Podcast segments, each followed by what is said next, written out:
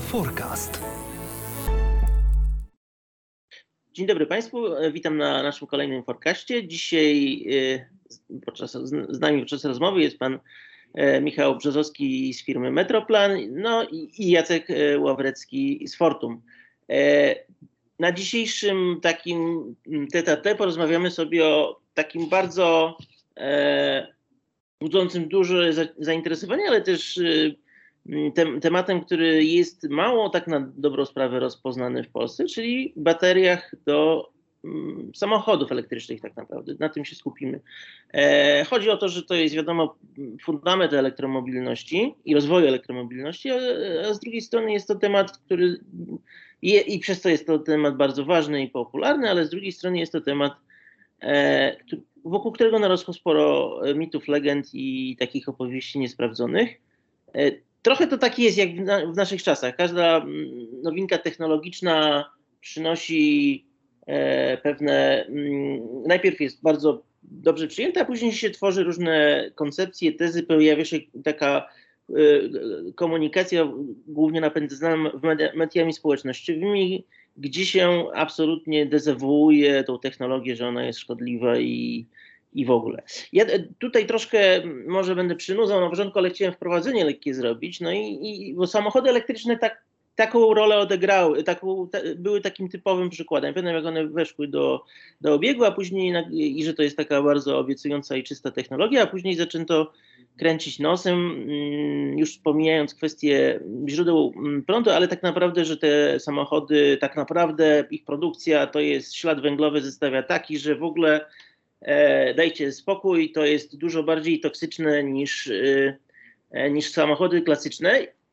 Dlatego też pozwoliłem sobie, tutaj mam przed sobą badania całkiem niedawne e, znanej wszystkim firmy ABB, która porównywało technologię produkcji właśnie samochodów. To akurat chodziło o samochody ciężarowe i, i samochody elektryczne. E, e, ciężarowe klasyczne z, z, z, na silniki spalinowe i elektryczne. I tak naprawdę oczywiście koszt węglo, ślad węglowy przy samej produkcji samochodów jest trochę niższy nawet w elektrykach niż e, w, w, w klasycznych autach. Oczywiście mamy ślad węglowy związany z bateriami, ale z drugiej strony po stronie aut elektrycznych jest bardzo podobny ślad węglowy tak zwanego procesu well to tank, czyli tego procesu dostarczenia paliwa, no bo to nie jest jednak to samo co prąd, który jest y, czystym, mm, czy, czystą energią, tylko to jest paliwo bardzo, które potrzebuje dużo, długiego procesu, stąd y, e, jego dosyć duży ślad węglowy, well to tank, czyli od wydobycia aż do zatankowania. Chodzi o, o ten cały długi, e, długi proces i tak naprawdę on w jakiś sposób amortyzuje ten, ten, ten koszt y, ślad węglowy baterii. No ale powiedzmy, że to jest temat, który już w jakiś sposób został ograny i już się pogodziliśmy, że te baterie oczywiście mają pewien mm, ślad węglowy zostawiają, ale okej. Okay. Ale teraz jest mm, z nowym tematem, że tak powiem, takim tematem kontrowersją, która wybuchła wokół mm, baterii, są jednak to, że wszyscy zaczęli stwierdzać, bo mamy teraz jednak ten trochę od w ciągu dwóch, trzech lat taki bardziej na, nastawieni jesteśmy nad tym, co my zrobimy z odpadami. Jest taki bardzo, ta gospodarka z cyklu zamkniętego stała się bardzo poważnym tematem, dlatego baterie zaczęto rozpatrywać w kategorii odpadu, który nam zrobi, zrobi straszny kuku i straszny problem i tak naprawdę jest to jest to największy dzisiaj tak naprawdę negatyw, jaki się wskazuje przy autach elektrycznych. O, i to był ten mój trochę przydługi wstęp. I chciałem o tym porozmawiać właśnie na temat tego, jak, e, jak to tak jest naprawdę.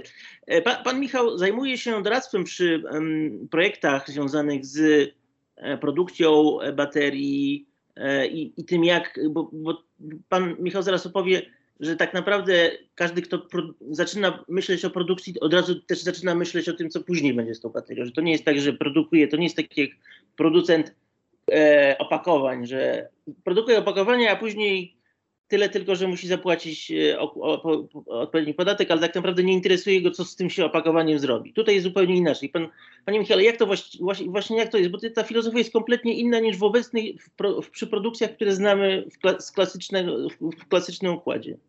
Panie Filipie, nasza firma no przede wszystkim zajmuje się projektowaniem fabryk jako takich, całych systemów produkcyjnych e, w różnych branżach, no ale nie czarujmy się, całe, całe gros tych fabryk w branży automotive zrobiliśmy. W tym momencie ja sam osobiście brałem udział w wprowadzaniu kilku, bo już tak naprawdę trzech producentów baterii na rynek europejski, dwóch w Polsce, jednego w Niemczech.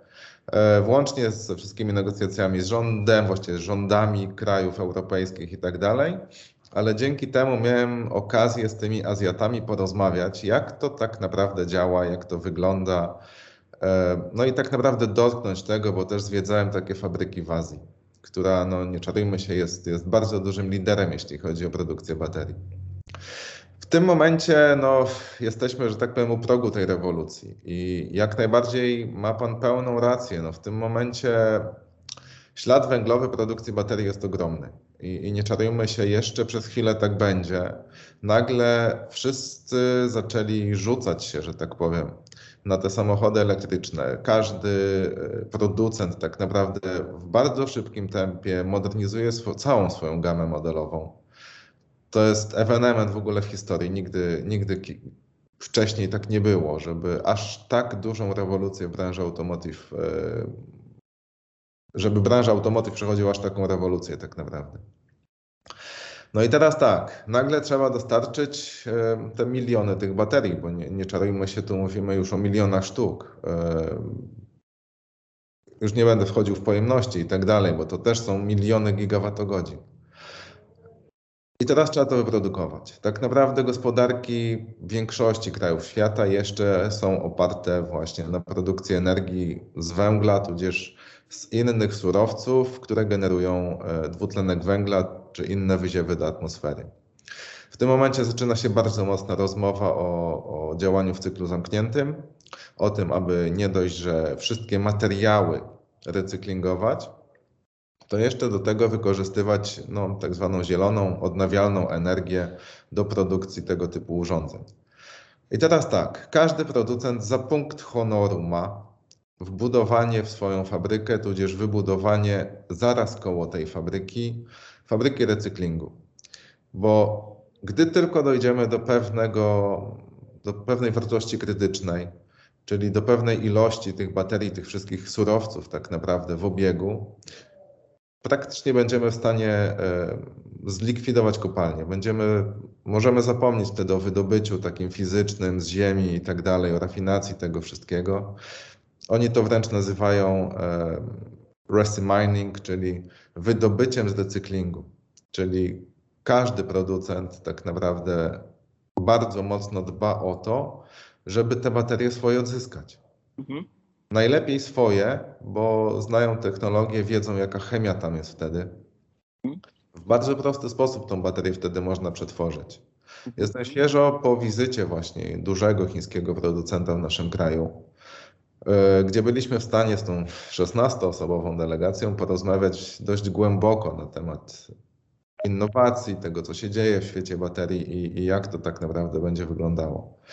No to po pierwsze kolejna rewolucja nas czeka, bo zmienia się całkowicie e, skład tych baterii. Przechodzimy z metali, że tak powiem, ziem rzadkich na nadal reaktywne, ale już dużo szerzej dostępne metale, czyli na przykład sód.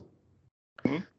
Już jeden z chińskich producentów, chyba naj, no, największy na świecie tak naprawdę, już ma taką technologię, jest ona gotowa do wdrożenia tak samo jak z elektrolitem stałym, czekamy tylko właśnie na producentów samochodów, żeby dociągnęli swoją technologię produkcji modułów bateryjnych, tak aby dało się te nowe baterie wbudować e, w obecną gamę modelową.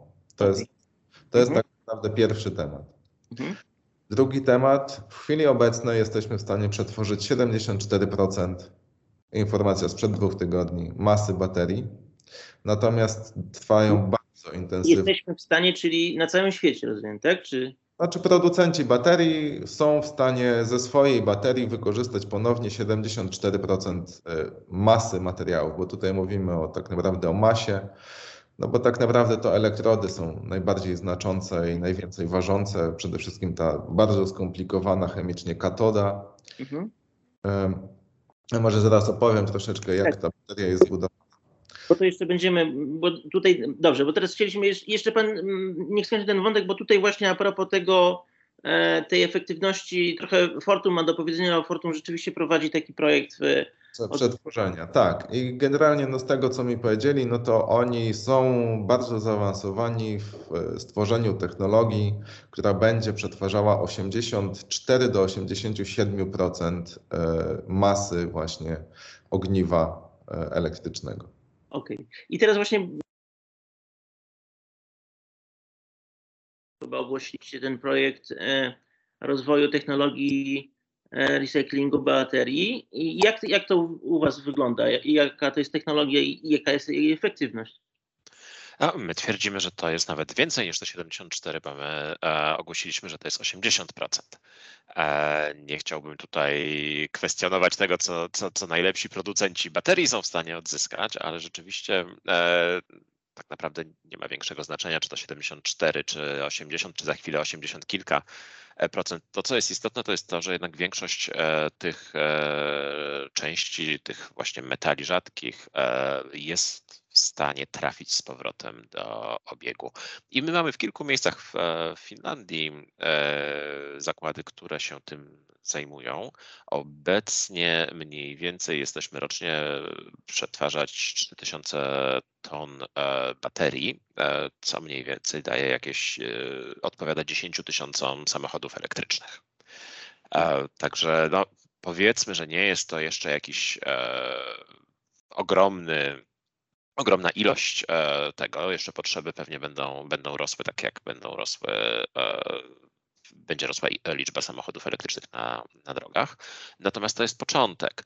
Co jest istotne, to jest to, że my nie tylko zajmujemy się odzyskiem baterii, e, e, substancji, metali, e, części z tych baterii, ale też zastanawiamy się, co zrobić, jak te baterie wykorzystać w całości. W momencie, kiedy one już się nie nadają do samochodu, to one jeszcze nadal mają całkiem sporą pojemność mm, i, I można je na przykład wykorzystać jako akumulator energii elektrycznej. Mamy też, prowadzimy takie, takie prace przy elektrowniach wodnych. E, a więc z jednej strony mamy elektrownię wodną, produkujemy energię, ale połączone ileś, jakaś, e, jakaś ilość, jakaś liczba tych baterii e, razem jest w stanie tak naprawdę spowodować, że jesteśmy w stanie dostosowywać produkcję i dostosowywać podaż tego, tego prądu do, z jednej strony jakby do warunków hydrologicznych, a z drugiej strony do popytu na rynku. No i Panie to, co tutaj... Tylko tak. kwestii, e, kilka słów uzupełnienia, bo Metroplan Jasne. niemiecki tym razem e, od chyba dwóch czy trzech lat posiada patent europejski właśnie na wykorzystanie starych baterii, e, w tym wypadku trakcyjnych z wózków widłowych, ale w tym momencie właśnie przetwarzamy tą technologię na E, używanie starych baterii litowo-jonowych, które już pojemność mają na tyle niską, że, że tak powiem samochodu nie napędzą, natomiast jeszcze przez te 3, 4, 5 lat do 10 tak naprawdę można je wykorzystać w przestrzeni stacjonarnej, tak naprawdę w banku, dużym banku energii. Mamy nawet pilotażowy projekt e, w Niemczech zbudowany, który służy do balansowania niemieckiej sieci elektroenergetycznej w taki sposób. Natomiast y, no ma to służyć tak, właśnie do magazynowania energii odnawialnej, do balansowania sieci w okresach szczytowych, ale również można zastosować tego typu rozwiązania do właśnie ładowania baterii samochodów na terenach odległych, no bo do ładowania samochodu potrzeba dużo energii. Y, nagle w tym samym czasie, tak, y, powiedzmy, że mamy jakąś tam małą jaką, jakąś tam, jakieś odgałęzienie sieci, z którego możemy naładować taki bank, ale możemy zainstalować przy autostradzie w środku tak naprawdę niczego właśnie stację ładowania na kilka samochodów, która będzie w stanie wydać te kilkaset e, kilowatów energii naraz właśnie z takiego banku. E, rozumiem, że to taki bardziej, wyobrażam sobie takie bardziej rozwiązanie dla amerykańskich przestrzeni, bo jednak w Europie chyba nie ma takich wielkich dziur. E, Panie, panie Filipie, zdziwilibyśmy się, jak duże są te dziury. Okej.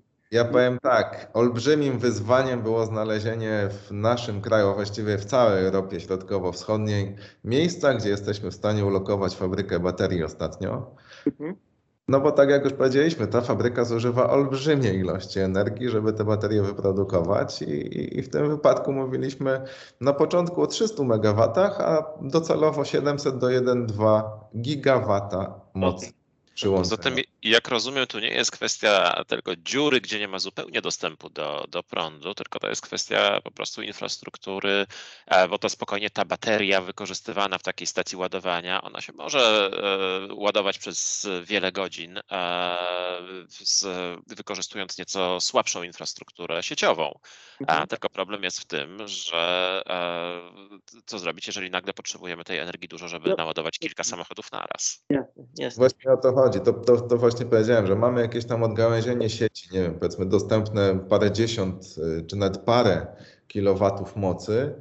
No i nagle potrzebujemy zbudować stację ładowania, która będzie obsługiwać, może nie, nie jest to jakaś główna arteria, tak, ale co jakiś czas jakieś auto może podjechać. No i wtedy musimy dać, no powiedzmy te 70, 80, najlepiej 120 kilowatów naraz Mhm.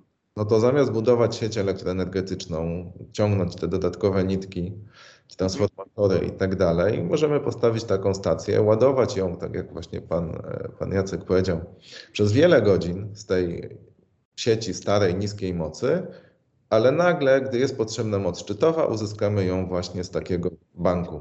Okej, okej, a, mm, bo to jest ciekawe, bo to jest trochę tak, że to jak mm, się dzisiaj wykorzystuje mm, baterie po ich y, spadku efektywności w samochodach, znaczy po ich wymontowaniu z samochodów, e, to jest trochę pochodna tego dynamiki rozwoju tego, tej całej branży. Rozumiem, że e, to nie jest tak długo historyczna branża, więc te samochody, mas, e, mas, i ona się, to jest trochę lawinowy wzrost tak naprawdę. Te samochody z, sprzed 10 lat, tych samochodów 10 lat temu nie było bardzo wielu, więc tych starych baterii jeszcze dużo nie ma. Ja rozumiem, ja pamiętam jak, ten For, jak Fortum przedstawiało ten projekt, to tak naprawdę widać było, że tu chodziło o to, że mm, Fortum zaczęło w tym momencie, bo wie, że kumulacja będzie wtedy za, ileś tam lat. Także to jest wszystko odsunięte. I pytanie na ile zmiana, więc y, a dzisiaj mówimy o tym, że właściwie temat baterii, że mm, bateria jako obciążenie temat nie istnieje, bo zawsze go, baterię samochodu można wykorzystać stacjonarnie. No i ten, ten moment, kiedy, bo jak- jaki, porozmawiamy, jaki jest właśnie taki, e, taka żywotność tego, tego, mm, tego urządzenia? Że ono na przykład 5 lat siedzi w samochodzie, później 5 lat y, w, tak? Jak, jak to, jak to, jaka, jaka jest ta struktura? Wie pan co, w tym momencie szacuje się między 5 a 10 lat, najczęściej jest to 8. E, ale też w samochodzie, tak? Czy w ogóle? Tak, tak, tak. A później rozumiem, ono jeszcze na przez parę lat może służyć właśnie w takim banku energii, tak? Generalnie mówi się, że bateria nie powinna stracić więcej niż 15 do 20% swojej pojemności właśnie na przestrzeni tych 8 lat. Przy tych nowych technologiach 10. Ale powiedzmy, że, że taka średnia żywotność to, to jest właśnie około 8 lat. I co jest ciekawe, dzięki zmniejszeniu ilości części ruchomych, e, no ten samochód praktycznie bezawaryjnie, właściwie bezobsługowo jest w stanie te 8 do 10 lat jeździć. Mhm, Okej. Czyli ro, rozumiem, a później trafia do banku, więc to widać, że temat, dlatego mówię, że ten temat nie istnieje, dlatego że te, banki, te, te baterie są wciąż cennym, cennym mm, e, aktywem, tak, że czymś, czymś wartościowym. Ale tu ciekawo, żeśmy rozmowy, rozmowy jakiś czas temu mieli z panem Michałem, że te baterie, e, to, że one są wykorzystywane w bankach, to jest, to jest model na dziś, ale w przyszłości to będzie tak, że producenci samochodów, baterii do samochodów, y, za, zanim one trafią do banku, to one jak najszybciej będą chcieli je zutylizować, żeby wydobyć te surowce. Czyli te surowce staną się już tak atrakcyjnym, mm, tak atrakcyjnym e, elementem, że, te dru- że nie, wręcz nie pozwolą na te drugie życie. Także tak, to, ta, tak ma to wyglądać? Wie pan, to wszystko zależy od tego, ile tego będzie, bo tak naprawdę no, w tym momencie, tak jak powiedziałem, no, stoimy u progu, nikt nie wie, jak to się rozwinie. E, Wszyscy producenci samochodów praktycznie totalnie modernizują swoją całą gamę modelową. Te baterie będą większe, mniejsze. Tak naprawdę w tym momencie też widzimy, że e, tych technologii używanych jest, jest co najmniej cztery równolegle. E, teraz dochodzi piąta, ta sodowa, która teoretycznie jest tańsza, ale ma mniejszą pojemność znowu. Więc, e, więc tak naprawdę no pozostaje wielkie pytanie. Może się okazać, że te wszystkie baterie starszych generacji trafią do tych banków, gdzie z powodzeniem jeszcze 10-15 lat będą sobie funkcjonowały, a później e, nadal nie trafią na złom, tylko trafią już do bardzo zaawansowanych rafinerii e, czy tam fabryk recyklingowych, które jeszcze raz je przetworzą już w tym wypadku na e, baterie nowej generacji albo najnowszej generacji. No bo nie czarujmy się, postęp w tej dziedzinie również jest olbrzymi, bo, bo szacuje się, że rocznie e, baterie zyskują około 10-15% e, wydajności, tudzież ich cena o tyle spada. Mhm, mhm, okay.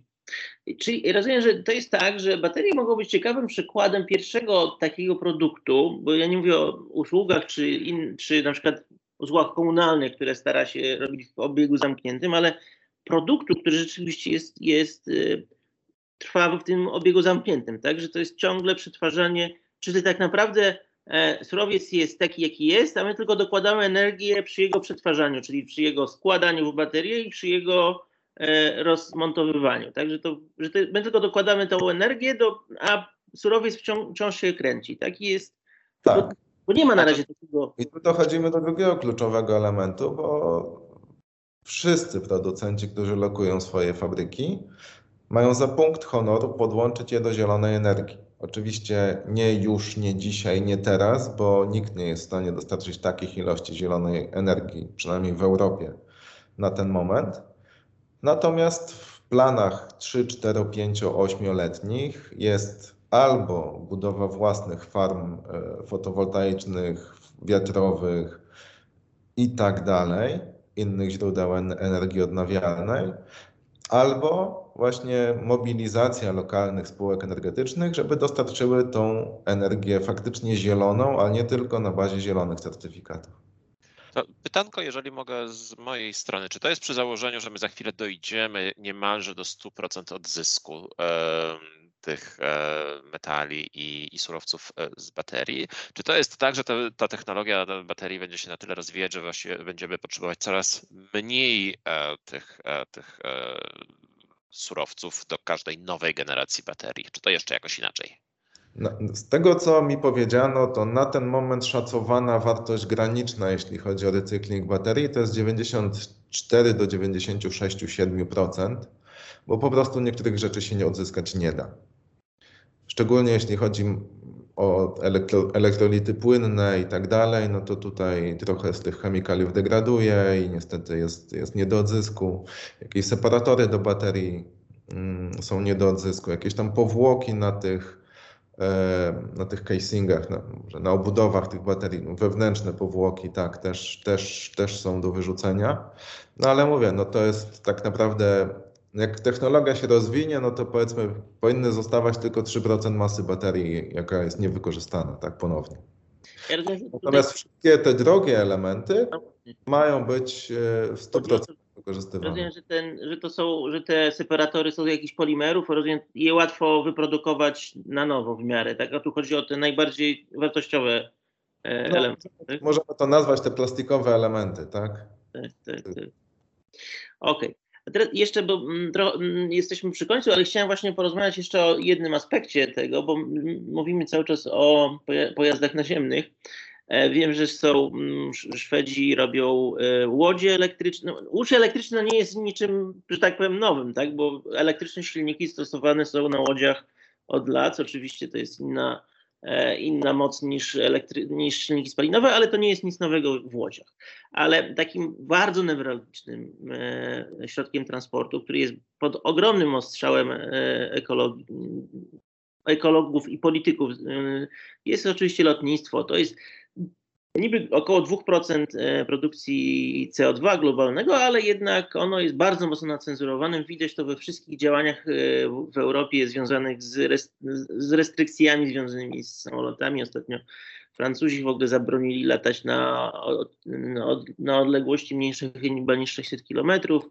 Tak więc to jest, e, lotnictwo jest ewidentnie, lotnictwo prowadzi dużo projektów, e, firmy lotnicze, projektów związanych z optymalizacją wykorzystania paliwa, ale wciąż to jest rozmowa o paliwach e, e, kopalnych, o węglowodorach. Pytanie jest teraz właśnie, na ile w ogóle mm, elektromobilność trafi do lotnictwa. Ja wiem, że, mm, że Fortum miało nawet projekt taki pokazowy. Rozumiem, to nie było lotnictwo, lotnictwo mm, na miarę czarterów, ale jednak jakieś pierwsze próby robiliście. Się zastanawiam w ogóle, jak, jak, jak, jak, jaka jest tego perspektywa. No, nie było to lotnictwo na miarę czarterów, ale od czegoś trzeba zacząć. A pierwsze samoloty e, też nie mieściły kilkuset osób, tylko, tylko jednego człowieka. Pierwszy lot trwał, nie wiem czy panowie wiecie ile, 16 sekund a, a później chyba 13 lat e, po tym pierwszym 16-sekundowym locie dwóch gości przeleciało Atlantyk. Także my tutaj jesteśmy na takim etapie już trochę chyba e, dalszym e, szczęśliwie niż loty 16-sekundowe elektryczne. W tej chwili już nawet na tym odcinku czasu od, od, od, naszego projektu, który ty wspomniałeś, do teraz już widać ogromny postęp. My dwa lata temu zorganizowaliśmy w Polsce pierwszy przelot e, przez cały kraj samolotem elektrycznym. To był malutki e, dwuosobowy słoweński samolot Pipistrel Alpha Electro. Zajęło nam to tydzień. E, odcinki, które pokonywaliśmy, były jakieś 80-100 kilometrów za jednym zamachem. Potem trzeba było ten samolot ładować. Trwało to oczywiście, czasem infrastruktura na lotnisku, w hangarze wysiadała, bo ładowarka teoretycznie powinna sobie dać radę z tym, żeby naładować ten samolot w godzinę, co później wystarczało na niecałą godzinę lotu, e, plus rezerwa, e, no to czasem to, co na naszych lotniskach jest dostępne, po prostu było, powodowało, że ładowaliśmy to kilka godzin. A, a i tak wielokrotnie korki e, trzeba było resetować. W każdym razie już w tej chwili e, są prowadzone prace, już, już, już są zamówienia na samolot, który ma wejść do użytku komercyjnego za 3 lata w 2024 roku. E, I to już będzie samolot dziewięcioosobowy, e, absolutnie wyprodukowany z myślą o użytku komercyjnym. Już nawet DHL kupił czy zamówił e, kilka takich samolotów e, po to, aby na jakichś krótkich odcinkach wykorzystywać go jako samolot cargo. I tu mówimy dosłownie o kilku latach różnicy. E, ten samolot, którym my lecieliśmy, jego podstawową zaletą jest wykorzystanie go do szkolenia. No, chociażby tutaj na warszawskich Babicach mamy wielki problem z tym, że sąsiedzi narzekają Narzekają, bo hałas, narzekają, bo te samoloty latają w kółko. No, jak się uczy latać, to się lata w kółko, bo trzeba się nauczyć startować i lądować. E, także, ale to jest wielki problem. E, ten samolot też był na Webicach. Okazuje się, że też niektórzy dzwonili, że też im hałasuje, e, mimo że jedyny hałas to jest z tego śmigła po prostu, wiatrakowanie śmigła, po prostu świst powietrza, ale też ponoć były skargi na, na wieżę, ale to jest takie pierwsze naturalne zastosowanie do szkolenia, e, gdzie jesteśmy blisko lotniska, wobec tego raczej nie grozi nam, że gdzieś nam tego prądu zabraknie, bo jak widzimy, że się kończy, to, to wylądujemy, ale ten postęp jest e, ogromny. No, szacuje się, że po roku 2030 już będziemy mówić o samolotach, które kilkadziesiąt osób będą w stanie e, zabrać. Okay. A pan, pan, pan, panie Michale, też myśli, że, że elektryka to jest przyszłość też dla lotnictwa? Wie pan, no, coraz więcej firm przymierza się albo pokazuje swoje pilotażowe projekty.